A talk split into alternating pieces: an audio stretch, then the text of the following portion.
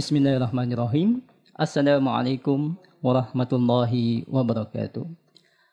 Baik pendengar 88,2 FM Radio An-Nasihah Sakinah dengan Sunnah.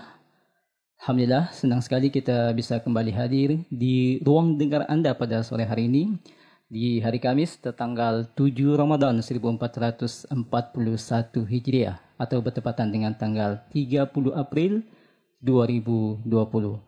Sebagaimana biasa, selama satu jam ke depan kembali kita akan dengarkan konsultasi agama spesial Ramadan, live interaktif Rumahku Bersinar di bulan Ramadan. Baik, bagaimana kabar Anda? Pendengar 88,2 FM Radio An-Nasiha dan Anda juga pendengar 675 AM Radio Syiar Tauhid di Jabodetabek. Dan tak lupa Anda pendengar 107,5 FM Radio Al-Madinah Solo. Dan Anda mungkin yang tadi sudah stay tune live streaming di Radio An-Nasiha dan Zulkarnain Muhammad Sunusi. Sebagaimana biasa di konsultasi agama kita ini dibimbing langsung oleh guru kita Al-Ustaz Zulkarnain bin Muhammad Sunusi Hafizahullah Ta'ala. Baik di acara interaktif ini, silakan Anda pendengar yang memiliki pertanyaan seputar dunia Islam, Anda bisa mempersiapkan pertanyaan terbaik Anda. Anda bisa mengirimkan nanti ke 081 141 3636 081 141 3636 via SMS, WhatsApp ataupun Telegram.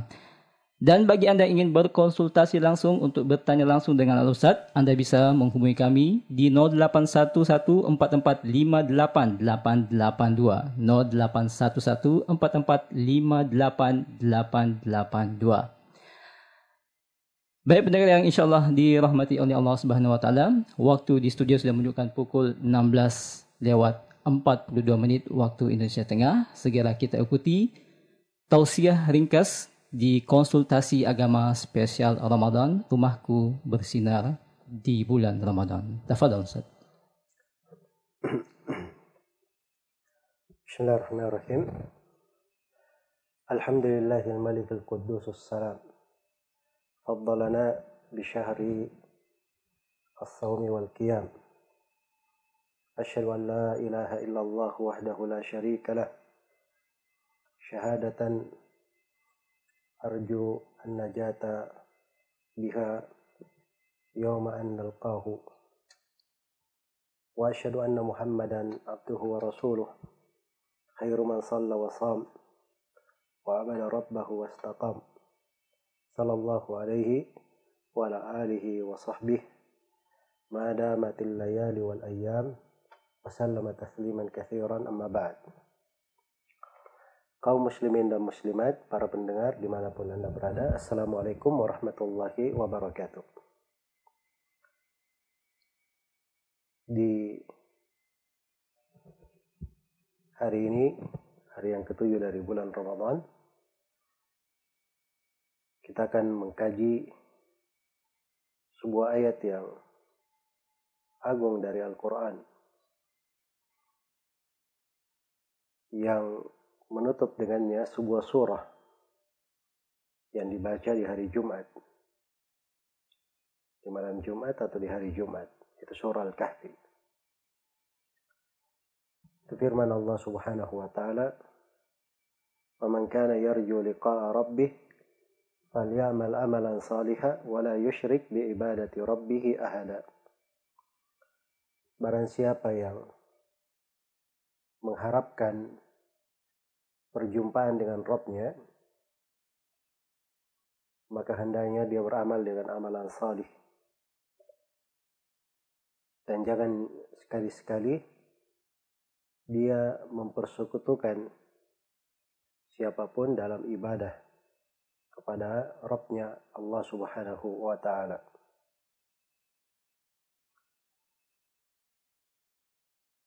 Ini dasar yang penting di dalam beragama bagi yang menghendaki keselamatan. Karena kisah-kisah yang disebut di surah Al-Kahfi, ada empat kisah, itu semuanya adalah terkait bagi siapa yang menempuh jalannya menuju kepada Allah Subhanahu wa taala dan dia menghendaki keselamatan di sisi Allah. Orang-orang yang selamat itu itulah orang-orang yang mengharapkan perjumpaan dengan Rabbnya. Faman kana yarju liqa'a rabbi. Siapa yang selalu berharap liqa'a rabbih berjumpa dengan Rabbnya. Itu menghadap kepada Allah Subhanahu wa taala. Liqa ditafsirkan dengan dua penafsiran. Ada yang mengatakan liqa rabbih bermana al-mulaqah. Dia berjumpa dengan Allah di hari kiamat dalam keadaan dia berbahagia dengan amalannya, bisa berharap dengannya. Maka kalau dia ingin perjumpaan yang seperti itu, penuhi dua syarat yang diterangkan pada kelanjutan ayat. Dan di antara ulama ahli tafsir, ada yang menafsirkan liqa rabbihi bermana melihat Allah di hari kiamat. Siapa yang berharap untuk melihat wajah Allah di dalam sorga, yang melihat wajah Allah di dalam sorga itu adalah kenikmatan yang paling besar. Tidak ada nikmat yang lebih besar bagi penduduk sorga melebihi itu. Ya kalau dia mengharapkan perjumpaan dengan Allah, perhatikan dua syaratnya. Apa dua syaratnya? amal amalan salihat hendaknya dia beramal dengan amalan yang salih. Apa yang dimaksud dengan amalan salih? Ini sebenarnya pertanyaan yang harusnya kita mengerti jawabannya. Sebab disayangkan kalau banyak kegiatan, aktivitas kita kerjakan, kita sangka itu amalan salih. Ternyata tampak bahwa itu bukan amalan salih. Amalan salih itu adalah apa yang terpenuhi padanya tiga syarat. Syarat yang pertama, tauhid. Dia adalah orang yang memurnikan ibadahnya. orang yang memurnikan ibadahnya kepada Allah Subhanahu wa taala. Orang yang benar keislamannya dan keimanannya. Syarat yang kedua, ikhlas dan syarat yang ketiga, sesuai dengan petunjuk Nabi Shallallahu Alaihi Wasallam di atas tuntunan Nabi. Ini tiga syarat dan itulah beragama. Diterangkan dalam sebuah ayat itu firman Allah Subhanahu wa taala wa ma umiru illa liya'budullaha mukhlishina lahud-din hunafa wa yuqimus salata wa yu'tuz zakata wa dalika dinul qayyimah. Tidaklah mereka diperintah. Ini syarat harus sesuai dengan tuntunan Nabi. Karena agama ini semuanya dasarnya perintah. Dasarnya adalah wahyu. Ada keterangan dari Rasulullah Sallallahu Alaihi Wasallam. Agama kita ini sudah lengkap tuntunannya, sudah jelas. Semuanya diterangkan oleh Nabi apa saja yang kita perlukan ada penjelasannya oleh Rasulullah Sallallahu Alaihi Wasallam. Makanya siapa yang beramal tidak di atas tuntunan Nabi, maka Nabi telah menegaskan, mana amila amalan laisa alaihi amruna fahuwa rad. Siapa yang beramal dengan sebuah amalan tidak dibangun di atas tuntunan kami, maka amalan tersebut adalah tertolak. Wama umiru tidaklah mereka diperintah illa liya'budullaha mukhlishina lahuddin. Kecuali untuk beribadah kepada Allah dengan mengikhlaskan agama. Mengikhlaskan ketaatan hanya kepadanya. Syarat ikhlas. Seorang itu hendaknya dia berlaku ikhlas di dalam setiap amalannya apa yang dia kerjakan, yang diterima darinya, hanyalah apa yang dia lakukan karena Allah. Lillah. Mengharapkan wajah Allah. Tidak mengharapkan sanjungan manusia, tidak pula mengharapkan pujian manusia, tidak pula ingin dikatakan begini dan begitu. Tapi dia lakukan seluruh hal tersebut semata karena Allah Subhanahu wa taala. Mukhlisina lahuddin hunafa. Ini syarat yang ketiga. Hunafa orang-orang yang hanif. Hanif itu adalah orang yang dia selalu menuju kepada Allah di atas tauhid, meninggalkan segala bentuk kesyirikan. Kemudian diterangkan menegakkan sholat, mengeluarkan zakat, bagian darinya. Lalu di akhir ayat dikatakan wadhalika dinul qayyimah. Itulah agama yang lurus. Maka siapa yang ingin berbahagia menghadap kepada Allah atau ingin melihat wajah Allah pada hari kiamat, syarat yang pertama amal amalan salihah hendaknya dia beramal dengan amalan yang salih. Dan ketentuan amalan salih, tiga syarat yang kita sebutkan tadi. Tauhid, ikhlas, dan mutabah. Mencocoki sunnah Rasulullah sallallahu alaihi wasallam. Wala yushrik bi ibadati rabbih ahada. Dan jangan dia berbuat kesyirikan. Jangan dia mempersekutukan siapa pun dalam ibadah kepada Robnya. ini ketentuan yang paling pokok. Memurnikan ibadah kepada Allah, meninggalkan kesyirikan. Dengan inilah seluruh nabi dan rasul diutus oleh Allah Subhanahu wa taala. Walaqad ba'atna fi kulli ummatin rasula an i'budullaha wajtanibut taghut. Sungguh kami telah mengutus pada setiap umat seorang rasul agar supaya menyerukan beribadahlah kalian kepada Allah semata dan jauhilah togut segala yang diibadahi selain daripada Allah Subhanahu wa taala. Maka apabila terpenuhi hal ini, maka itu adalah tergolong orang-orang yang berharap dengan harapan yang benar. Faman kana yarju liqa'a rabbih. Siapa yang mengharap perjumpaan dengan Rabbnya. Ini selalu mengharap kebaikan di sisi Allah, mengharap sorga Allah, mengharap perjumpaan dengan Allah. Itu adalah ibadah yang besar.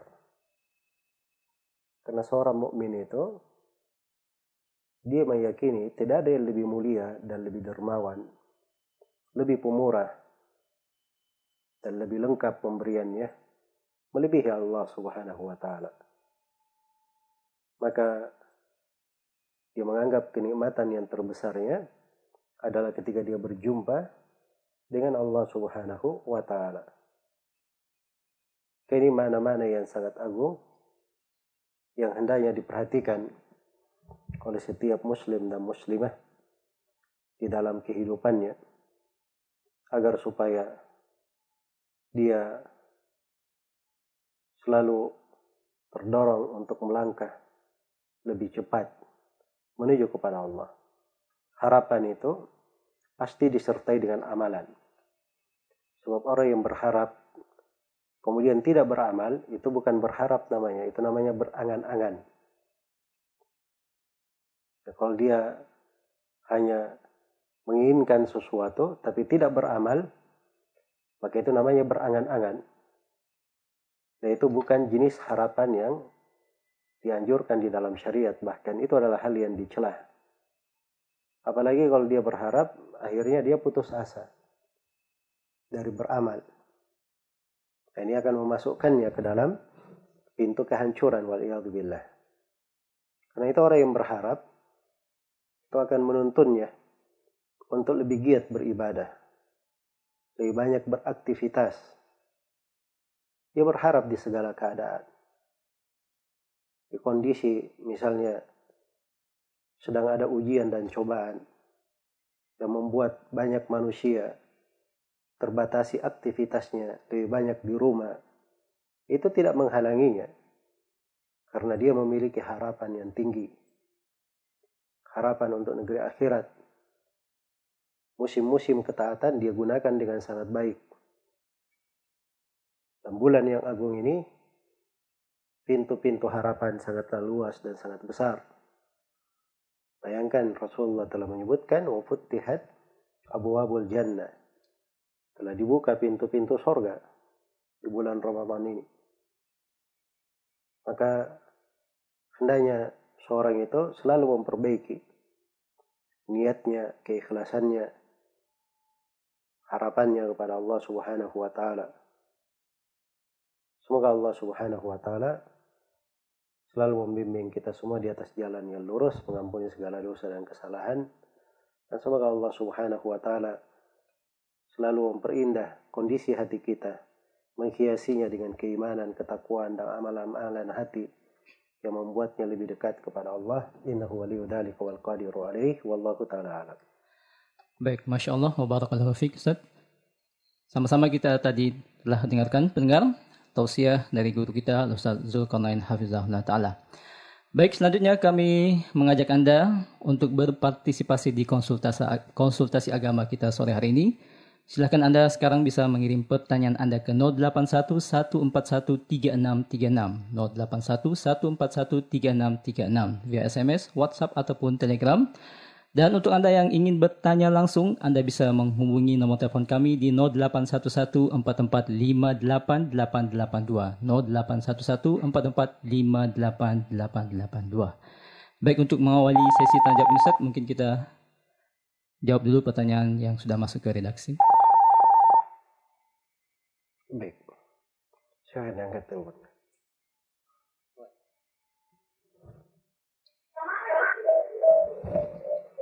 Halo, Assalamualaikum. Waalaikumsalam warahmatullah. Dengan siapa di mana? Dengan Abdullah di Maros, Ustaz.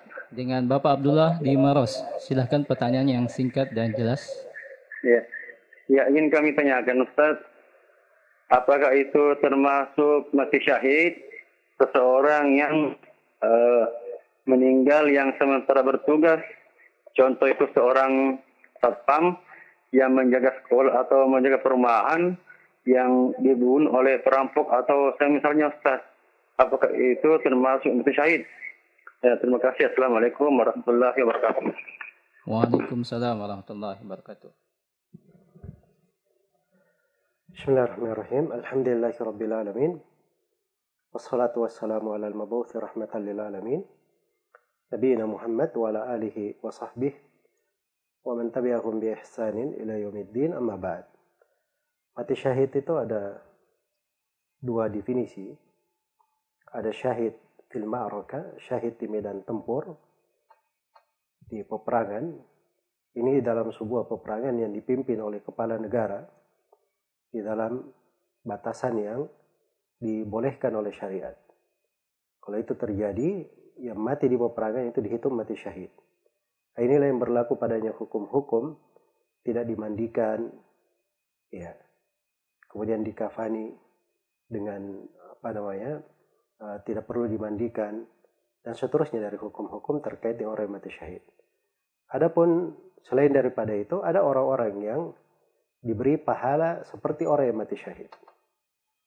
Diberi pahala seperti orang yang mati syahid. Seperti kalau dia mati terbentur, ya jatuh, tertabrak misalnya, atau dia mati tenggelam, atau dia mati karena uh, suatu wabah penyakit atau yang semisal dengannya itu datang hadit-hadit yang menunjukkan tentang pahala mati syahid untuknya.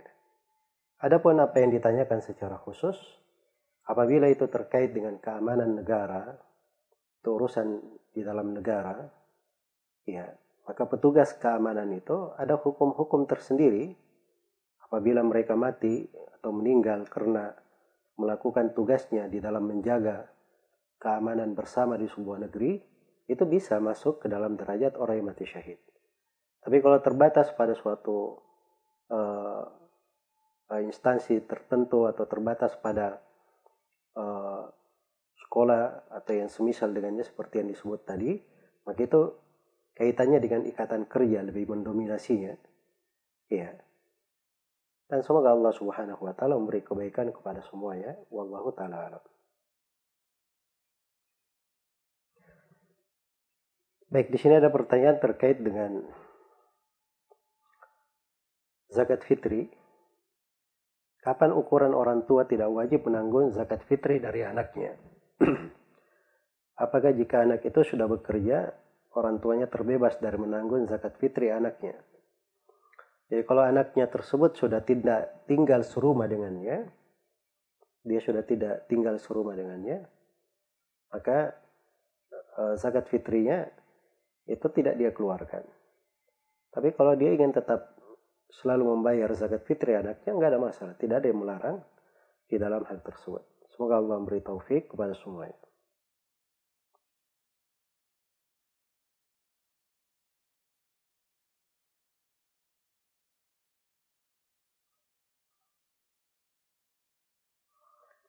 Baik ini terkait dengan sholat. Pertanyaan dari saudara Ardian di Goa. Misalnya saya sedang sholat asar berjamaah, eh, misalnya sedang sholat asar berjamaah, imam lupa rakaat sholatnya. Dan ternyata rakaatnya baru tiga, kemudian imamnya sudah tahiyat terakhir. Karena imam ragu, lalu dia sujud dua kali, lalu dia salam. Apa sudah benar tata cara sholatnya seperti itu? Sedangkan rakaat sholatnya masih kurang satu rakaat. Ya kalau imamnya misalnya dia kurang seperti ini, ya dia kurang, maka begitu selesai imam salam, makmum mengingatkan bahwa dia masih sholat tiga rakaat. Maka kewajiban imam, dia berdiri menambah satu rakaat. Diikuti oleh makmum. Diikuti oleh para makmum. Kemudian setelah selesai tasyahud, kemudian salam ke kanan dan ke kiri seperti biasa, maka imam menambah setelahnya sujud sahwi. Dia sujud dua kali, bacaan sujudnya seperti bacaan dalam sholat, setelah itu duduk, tapi dia tidak membaca dua tasyahud lagi, langsung salam. Karena di sini sifatnya dia menambah, tadinya kurang, tapi begitu diingatkan, dia tambah, dan dia sudah menambah salam sebelumnya. Maka orang yang menambah gerakan di dalam sholat dalam keadaan lupa, itu posisi sujud sahwinya dilakukan setelah salam. Semoga Allah subhanahu wa ta'ala memberi taufik kepada semuanya.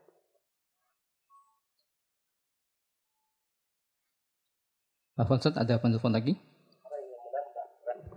Baik. Halo, Assalamualaikum. Waalaikumsalam warahmatullah. Dengan siapa di mana? Ah, ini dengan Joko di Medan ini. Baik, dengan Bapak Joko di Medan. Silahkan pertanyaannya Bapak. Nah, mau nanya ini kalau orang yang menikah dengan ahlul kitab. Iya. Ya, gimana Pak Joko? Nah, nanti kalau misalnya kan suaminya meninggal itu anaknya nanti dan siapa yang merawatnya gitu. Jadi ya. apakah dibiarkan sama ibunya yang ahli kitab? Nah nanti terkait dengan hartanya gimana itu ya pengaturannya gitu. Baik wanitanya yang ahli kitab ya Pak? Nah gitu aja. Baik ya Pak. Ya. Baik. Kalau. Assalamualaikum. Wassalamualaikum Baik pertanyaan Pak Joko di dari Medan terkait dengan orang laki-laki yang menikah dengan perempuan ahlul kitab. Itu pada dasarnya dibolehkan. Karena dalam Al-Quran dikatakan Al-yawma uhilla lakum at-tayyibat wa ta'amul ladina utul kitaba hillul lakum wa ta'amukum hillul lahum wal muhsanatu minal mu'minat wal muhsanatu minal ladina utul kitab wal muhsanatu ya minal ladina utul kitab jadi perempuan yang yang pada hari ini dihalalkan untuk kalian hal-hal yang baik. Salah satu yang dihalalkan perempuan-perempuan yang muhsan. Muhsan itu artinya yang suci, tidak pernah berbuat zina. Dari kalangan ahlul kitab. Dan ada dua pendapat di tengah para ulama terkait dengan hal ini. Apakah pembolehannya berlaku secara mutlak ataukah dengan ketentuan-ketentuan. Ya. Tapi pada umumnya seorang itu apabila ada perempuan muslimah yang dia nikahi, maka itu akan lebih baik untuk dirinya. Karena memang masalahnya seperti yang akan ditanyakan. Kalau misalnya meninggal, pendidikan anak-anaknya, jaminan agama untuk anaknya, ya, dan seterusnya. Itu semuanya adalah hal yang harusnya dipikir oleh seorang kepala rumah tangga. Adapun kembali kepada hukum masalah sendiri, ya kalau misalnya terjadi pernikahan tersebut, ya, dan memiliki anak-anak, maka seluruh anak-anaknya itu statusnya apabila pada dasar statusnya adalah muslim, ya, ketika dia besar, dijaga di atas keislamannya. Kalau mereka semuanya kaum muslimin, maka mereka berhak untuk mewarisi ayahnya. Bahkan yang mewarisi hanya anak-anaknya saja. Si istri karena dia adalah ahlul kitab, bukan muslimah, maka tidak ada bagian sama sekali dari warisannya. Adapun terkait dengan masalah pendidikan untuknya, maka ini dilihat kepada siapa dari keluarganya yang bisa merawat mereka dengan hal yang paling uh, membawa mereka kepada kebaikan, menjaga agamanya. Semoga Allah Subhanahu wa taala memberi taufik kepada semuanya wallahu taala alam. Bolehkah sholat wajib dan tarawih di atas tempat tidur yang biasa untuk tidur suami istri yang mana tidak ada tempat lagi untuk sholat? Jawabannya boleh ya. Ini juga pernah terjadi di masa di kehidupan Nabi Shallallahu Alaihi Wasallam. Dimaklumi bahwa rumah Nabi Shallallahu Alaihi Wasallam itu di tidak besar, bahkan kamar beliau kecil, dan di sebagian riwayat di sholat malam Nabi Shallallahu Alaihi Wasallam sholat dan Aisyah radhiyallahu taala anha kadang kakinya terlentang di hadapan beliau. Kalau beliau sujud, beliau uh, menyentuh kaki Aisyah sehingga Aisyah melipat kakinya kemudian Nabi Shallallahu Alaihi Wasallam sujud di tempat sujudnya. Jadi sepanjang tempatnya bersih, maka tidak ada hal yang melarang untuk sholat di situ. Semoga Allah memberi taufik kepada semuanya. Wallahu taala alam. Ustaz bisa kita angkat telepon lagi? Halo? Halo? Halo, Assalamualaikum. Baik, terputus. Baik, di sini ada pertanyaan apakah termasuk udur untuk tidak puasa jika menjadi tenaga medis COVID-19? Kalau misalnya uh, dia memiliki kondisi tubuh yang lemah kemudian dugaan besar itu akan menjadi sebab yang menyebabkan dia tertular, maka itu kembali kepada ijtihadnya. Tapi pada dasarnya puasa itu tidak gugur, ya kecuali apabila ada udur di dalam hal tersebut. Ya seperti sakit, puasa, atau perjalanan, eh, seperti sakit, perjalanan, atau tidak mampu, atau yang semisal dengannya. Semoga Allah Subhanahu wa taala memberi taufik kepada semuanya wallahu taala alam.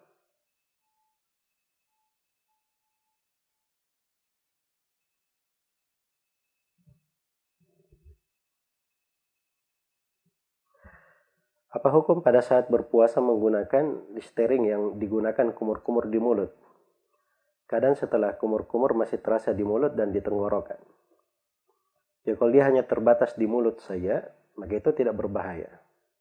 Tapi kalau masuk ke tenggorokan, masuk ke dalam, nah itu yang bisa membatalkan puasa.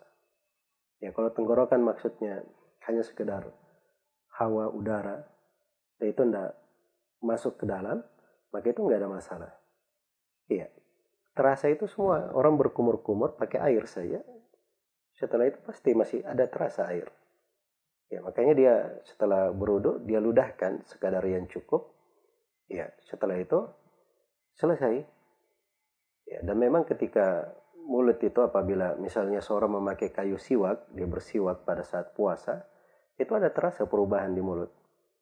Ya, dan itu diizinkan oleh Nabi Shallallahu Alaihi Wasallam. Semoga Allah memberi taufik kepada semuanya.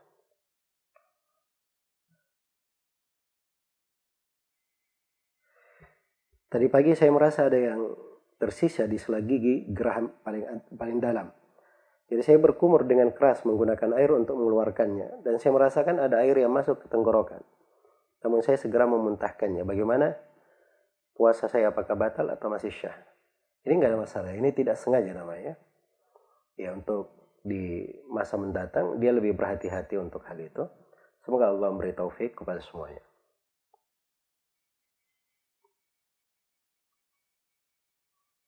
Apa keutamaan bagi orang yang menghatamkan Al-Quran? Orang yang gemar membaca Al-Quran dan selalu mentartilnya di kehidupan dunia ini, walaupun dia tidak menghafalnya, dia selalu membacanya, menghatamkannya. Pada hari kiamat itu disuruh naik ke surga. Dan disuruh dia mentartil dari Al-Quran tersebut membacanya. Dan akhir dari apa yang biasa dia tertil, di situ tempatnya di surga. Iya. Dan Nabi Shallallahu Alaihi Wasallam serta para sahabatnya itu rutin di dalam menghatamkan. Karena itu mereka ada waktu-waktu.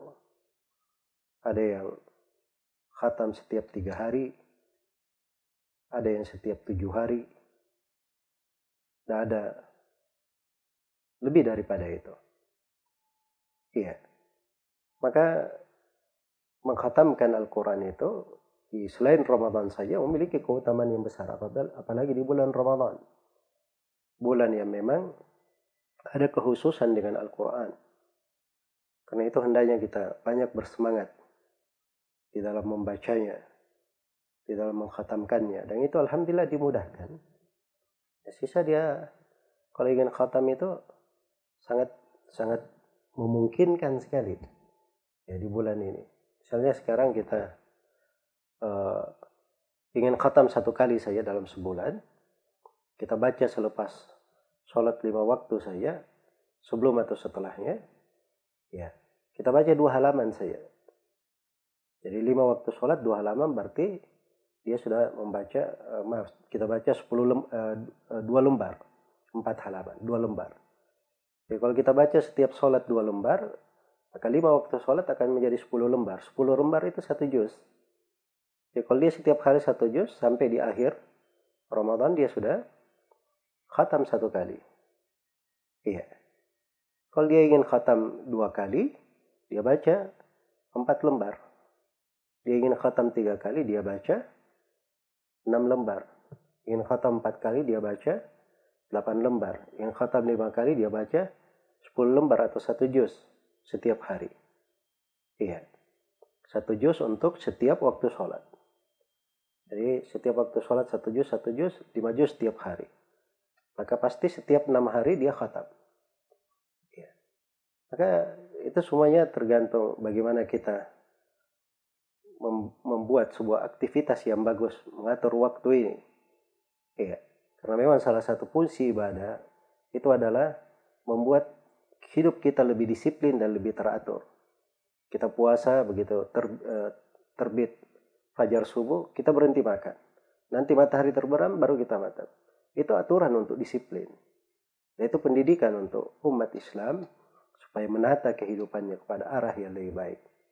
Hidup itu kalau dibuat dibuat liar, bebas, tidak pernah diukur, diatur, maka akan bergulir hari-hari kehidupan tanpa ada tali yang mengikatnya. Dan itu kerugian atas diri kita sendiri. Semoga Allah Subhanahu wa taala menjadikan kita semua sebagai orang-orang yang berhasil, beruntung, penuh dengan kemenangan di bulan ini. Wallahu ta'ala alam.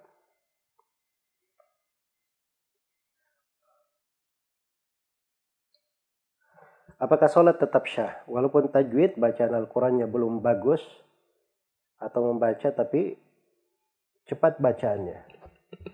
Ini kalau dia membaca cepat itu harusnya dia sudah bagus di dalam uh, tajwidnya atau cara membaca Al-Qur'annya kalau dia sudah bisa membaca cepat. Jadi itu membaca ke membaca cepat ada tahapannya. Jadi pertama dia baca dulu Al-Quran itu dengan tajwid yang benar walaupun dia lambat. Sudah terbiasa dengan tajwid yang benar. Ya, penyebutan huruf kalau dia sanggup dengan harokatnya maka dia sudah terbiasa dengan hal tersebut ya uh, dia di, dengan panjang pendeknya sudah terbiasa, dia meningkat kepada tingkat kecepatannya lebih daripada itu. Ya. Jadi itu dilakukan secara bertahap. Jadi sepanjang jenis bacanya, makhraj hurufnya sama, panjang pendeknya sudah bagus, itu artinya bacanya syah. Adapun terkait dengan hukum-hukum yang lain itu masuk di dalam jenis kesempurnaan. Iya. Semoga Allah Subhanahu wa taala memberi taufik kepada semuanya. Wallahu taala alam. Baik Ustaz, bisa kita angkat telepon? Baik. Baik, Assalamualaikum. Assalamualaikum. Baik, dengan siapa di mana? Uh, Abdillah dari Makassar. Baik, dengan Bapak Abdillah di Makassar. Silahkan pertanyaan. Uh, saya ada beberapa pertanyaan. Uh, bagaimana cara atau kiat-kiat untuk uh, apa menjaga ilmu yang kita pelajari agar bisa bermanfaat untuk kita dan bisa diamalkan dengan baik. Karena kadang itu kalau ada ujian datang, kita kadang uh, di awal ujian itu walaupun kita sudah belajar tauhid atau bagaimana, kadang kita kayak merasa uh, apa jatuh begitu dan ragu mungkin dengan ilmu yang kita sudah pelajari ya begitu dengan yang pertanyaan kedua uh, apa bagaimana kiat-kiat agar kita terhindar dari kesombongan dengan ilmu yang kita punya? Dan bagaimana cara agar kita bisa ridho dengan takdir Allah yang dan kita bisa ikhlas dengan kendaknya dan yang terakhir Ustaz, uh, bagaimana caranya supaya bisa menjaga hati biar bisa bertahan sampai Allah panggil kita Ustaz. Karena takut uh, bag, uh, apa uh, hidayahnya diambil begitu pas saat-saat terakhir. Ya itu saja Ustaz. Baik, terima kasih Bapak ya, Abdillah di Makassar. Ya. Waalaikumsalam. Baik, ada tiga pertanyaan. Yang pertama terkait dengan masalah menjaga ilmu. Ilmu itu dipelajari untuk diamalkan. Maka inti sebenarnya yang menyebabkan ilmu itu berpengaruh di dalam kehidupan. Apabila kita selalu mengulanginya, membuat ilmu itu menetap di dalam hati, kemudian ilmunya diamalkan. Karena pengamalan terhadap ilmu itulah yang bermanfaat. Jadi jangan dia selalu melihat pada ujian-ujian yang sifatnya besar yang membuat kaget. Mungkin dia bisa terapkan pada hal-hal yang uh, misalnya masih mampu dia tahan. Ya dia masuk ke rumahnya tersandung atau misalnya dia gunting kuku sedikit luka Ya, coba dia terapkan di situ tentang kaitannya dengan masalah sabar, yang menerima ketentuan Allah, takdir Allah. Ya kalau dia sudah terbiasa, maka dia akan dimudahkan oleh Allah Subhanahu wa taala pada hal-hal yang lain. Jadi itu inti yang paling pokok, beramal dengan ilmu yang dipelajari. Allah Subhanahu wa taala berfirman, "Walau annahum fa'alu ma yu'aduna bihi, lakana khairan lahum wa ashadda tathbita." wa idzal la'atainahum min ladunna ajran 'azima wa lahadainahum siratan mustaqim. Andai kata mereka melakukan apa yang diperintah kepada mereka, apa nasihat yang sudah diwejangkan kepada mereka, ilmu yang mereka sudah miliki, mereka amalkan, maka Allah terangkan itu yang terbaik untuk mereka. Dan itu yang paling mengukuhkan kedudukannya. Iya, dan kalau sudah seperti itu, kami akan beri untuk mereka pahala yang besar. Dan kami beri hidayah menuju kepada jalan yang lurus. Ditambah lagi petunjuk ke tempat yang lain. Karena itu kata sebagian ulama, Mana amila bima alim, auratahullahu ilma malam ya'lam.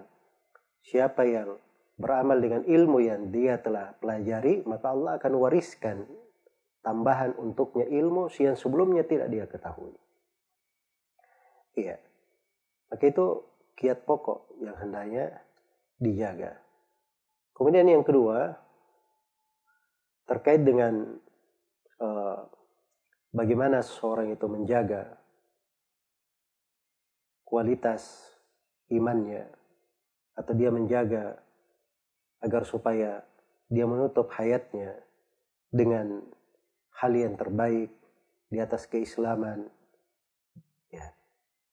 ini adalah perkara yang besar ya dan adanya pertanyaan yang seperti ini itu menunjukkan hati yang baik adanya kekhawatiran semoga Allah memberikan untuk kita semua taufik dan ridhonya dan di dalam Al-Quran Allah subhanahu wa ta'ala telah berpesan kepada Nabi ya wa'bud rabbaka hatta ya'tiyaka yakin beribadalah engkau kepada Rabbmu sampai kematian datang menjemputmu Jadi beliau diperintah untuk selalu giat di atas ibadah sampai kematian datang. Dan wejangan terhadap nabinya dikatakan kepada beliau, "Faida faragta fansab wa ila rabbika farghab." Apabila engkau telah telah selesai Nabi Muhammad dari sebuah ibadah, berdiri lakukan ibadah yang lain. Dan kepada Rabbmu hendaknya engkau selalu mengharap. Dan kepada orang-orang yang beriman Allah berfirman, "Ya ayyuhalladzina amanu taqullaha haqqa tuqatih wa la tamutunna illa wa antum muslimun." Wahai orang-orang yang beriman bertakwalah kepada Allah dengan sebenar-benar takwa dan jangan sekali-sekali kalian meninggal kecuali sebagai seorang muslim. Maka ada namanya menjaga ibadah. Yang kedua, continue, menyambung dari sebuah ibadah ke ibadah yang lain. Yang ketiga, dia selalu mengharap kebaikan dari sisi Allah, berbaik sangka. Kemudian yang keempat, dia selalu bertakwa kepada Allah. Takwa dengan sebenar-benar takwa takwa dengan sebenar-benar takwa ini masuk di dalamnya dia banyak berdikir, selalu bersyukur kepada Allah Subhanahu wa taala dan selalu berbuat ketaatan. Kemudian yang kelima, dia selalu mempelajari tauhid dan mengamalkannya supaya dia meninggal di atas tauhid. Begitu lima hal kalau dia jaga dan dia pelihara, begitu dari sebab yang kita semua berharap kepada Allah supaya ditutup dengan husnul khatimah Wallahu taala alam.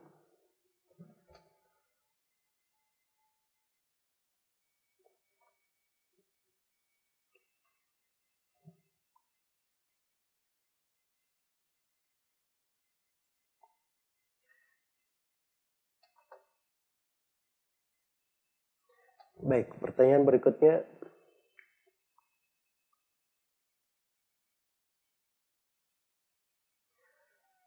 Bagaimana hukumnya orang yang pernah meninggalkan sholat dan puasa selama bertahun-tahun dikarenakan pernah tinggal di lingkungan yang tidak mendukung dan berteman dengan orang-orang yang berbeda agama.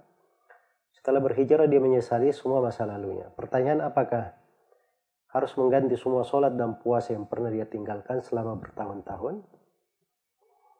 Ini ada dua masalah. Yang pertama terkait dengan meninggalkan sholat. Orang yang pernah orang yang meninggalkan sholat dengan sengaja apakah bisa dia ganti? Ya. Itu ada dua pendapat di tengah para ulama. Dan pendapat yang lebih dekatnya itu tidak bisa diganti. Sholat itu kalau dia sudah pernah tinggalkan, dia tinggalkan uh, tanpa udur, maka itu tidak bisa dia ganti. Cara untuk menyelesaikan masalahnya, dia memperbanyak dari sholat-sholat sunnah untuk menambal kekurangan-kekurangan sholatnya di masa lalu. Iya. Itu solusinya yang dituntunkan oleh Nabi Shallallahu Alaihi Wasallam sebagaimana dalam sebuah hadis yang diriwayatkan oleh Tirmidzi dan selainnya. Adapun terkait dengan puasa, ini juga silam pendapat di tengah ulama. Hanya saja kalau dia tahu jumlah puasa yang dia tidak puasa di masa lalu, maka kalau dia ingin mengkodoknya, dia kodoknya. Itu yang paling bagusnya dan paling selamatnya, karena di dalam Al-Quran Allah firman, walitukmilul iddah supaya kalian menyempurnakan bilangan bulan. Artinya bulan itu ketika muncul seorang sudah melihat bulan, kewajibannya dalam menyelesaikannya. Maka kapan dia masih menghitung, di tahun-tahun lalu dia bisa menghitung umurnya. Berapa lama waktu itu dia tidak puasa. Bisa dia perkirakan, seorang memperkirakan, ya kalau tidak bisa diperkirakan, satu bulan itu 30 hari. Maka dianggap 30 hari. Semoga Allah memberi taufik kepada semuanya. Wallahu ta'ala alam.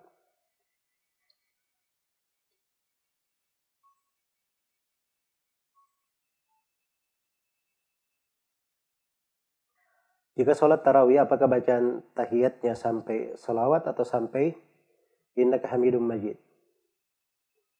Nah, kalau dia baca indak hamid sampai indak hamidum majid itu salawat namanya. Kalau tasyahud itu sampai syahadat saja. Syahadu an la ilaha illallah wa syahadu Muhammad Rasulullah. Itu tasyahud. Dan kalau seorang sholat, begitu mau salam, itu yang dibaca tasyahud dan salawat.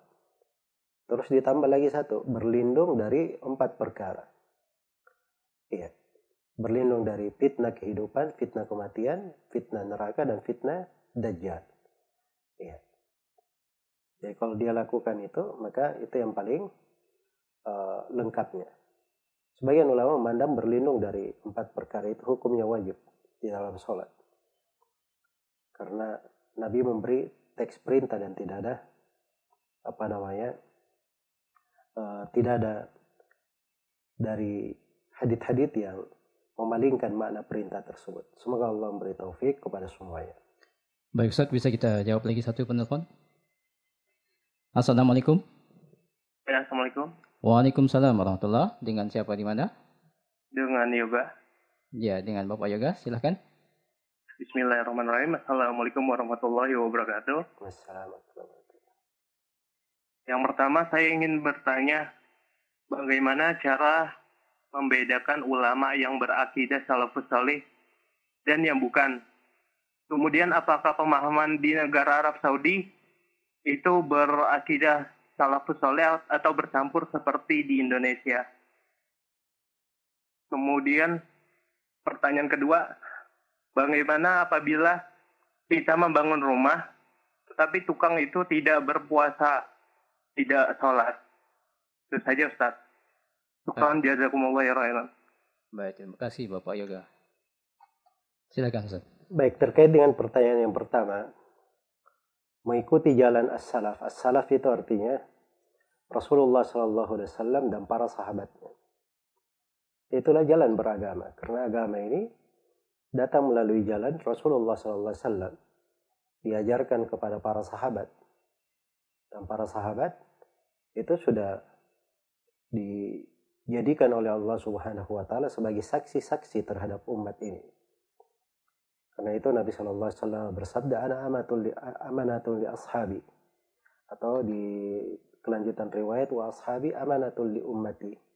Idza dhahaba ashabi ata ummati matuat. Sungguhnya para sahabatku itu adalah pengaman di tengah umatku. Kalau para sahabatku sudah pergi akan datang di tengah umatku ancaman yang diancamkan terhadap mereka. Jadi pengaman di tengah umat adalah para sahabat dan mengikuti jalur mereka, jalan mereka itulah keselamatan. Karena itu dalam Al-Quran dikatakan, Fain amanu bimithli ma amantum bihi faqad ihtadaw.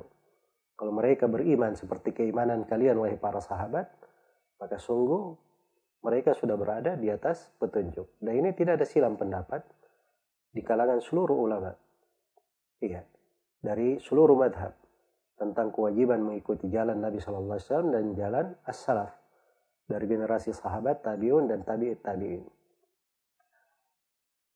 Dan beragama itu bukan simbol suatu negara, bukan milik suatu kelompok dan suku, bukan hak paten untuk suatu komunitas atau orang-orang.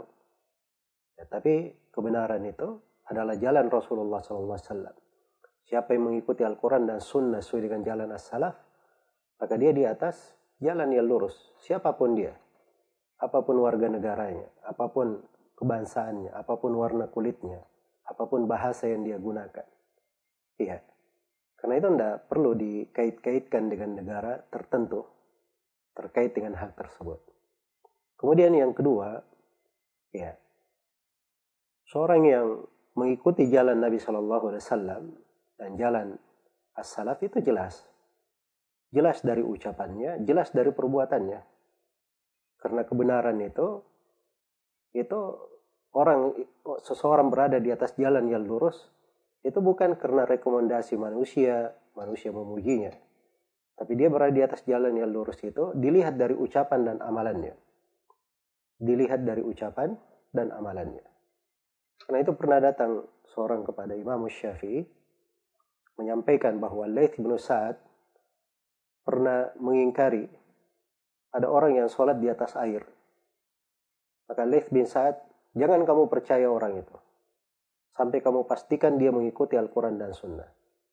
Kata Imam Syafi'i kurang Imam Al-Laith bin Sa'ad. Al-Laith bin Sa'ad guru Imam Syafi'i juga. Kurang Al-Laith bin Sa'ad. Harusnya kata Imam Syafi'i, kalau kamu lihat ada orang yang sholat di atas air, dia juga bisa sholat di atas udara, lebih tinggi lagi, lebih banyak lagi karamahnya. Kata Imam Syafi'i jangan kamu percaya dia. Sampai kamu dudukkan perkaranya di atas Al-Quran dan Sunnah. Nah, itu cara mengukur di dalam beragama. Dan itu cukup. Karena itu seorang belajar apabila dia belajar dari guru yang benar, akidahnya lurus, metodenya di atas jalan as-salaf, dan dia adalah penasihat yang baik untuk umat menghendaki kebaikan untuk umat, maka itu adalah guru yang baik. Kita belajar darinya, siapa pun dia, di mana pun guru itu berada. Iya. Kemudian terkait dengan pertanyaan yang kedua, uh, apabila dia mempekerjakan seseorang, dan orang ini misalnya melakukan pelanggaran-pelanggaran, tidak sholat, tidak puasa, apalagi di bulan ini, maka itu kembali kepada dirinya. Iya kalau dia ingin mencari Tuhan lain, maka itu mungkin lebih bagus untuk dirinya supaya dia tidak terganggu berada di sekitar di sekitarnya orang-orang yang tidak berpuasa. Atau kalau misalnya dia lihat pada orang-orang tertentu, memang kondisinya seperti itu. Ya, dia tidak pekerjakan di tempat lain pun, tidak tidak dia pekerjakan pun di tempat lain juga dia akan seperti itu. Maka kalau dia lihat orang ini dia pekerjakan di tempatnya, bisa dia nasihati, bisa dia beri dari uh, dia lembutkan hatinya dan semisal dengannya, maka itu adalah hal yang bagus, tidak ada masalah. Semoga Allah Subhanahu wa taala memberi taufik kepada semuanya wallahu taala. Afwan mungkin kita bisa menjawab satu pertanyaan terakhir.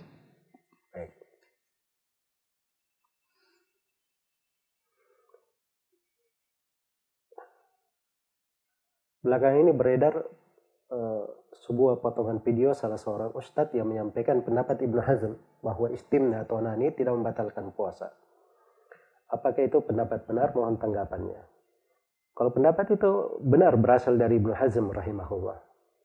Iya. Dan itu dikuatkan oleh beberapa ulama di masa sekarang.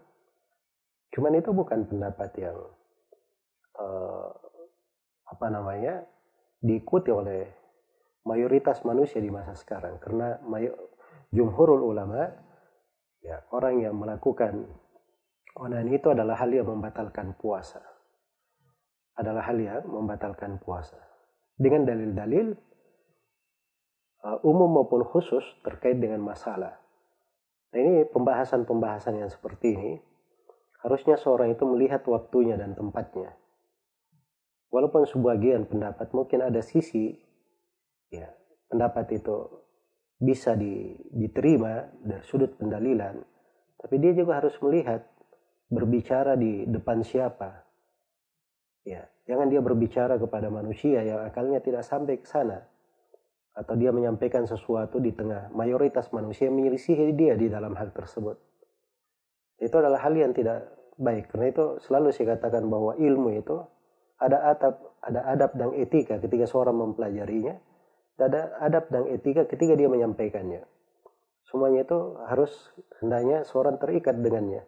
Kalau dia tidak terikat dengannya, maka akan terjadi kekacauan di sana sini. Semoga Allah Subhanahu wa taala memberi taufik kepada semuanya. Wallahu taala alam. Baik, alhamdulillah pendengar. Setelah kita dengarkan tadi rangkaian program interaktif konsultasi agama spesial Ramadan, Rumahku Bersinar di bulan Ramadan. Edisi hari ini hari Kamis tertanggal 7 Ramadan 1441 Hijriah atau bertepatan dengan tanggal 2, 30 April tahun 2020.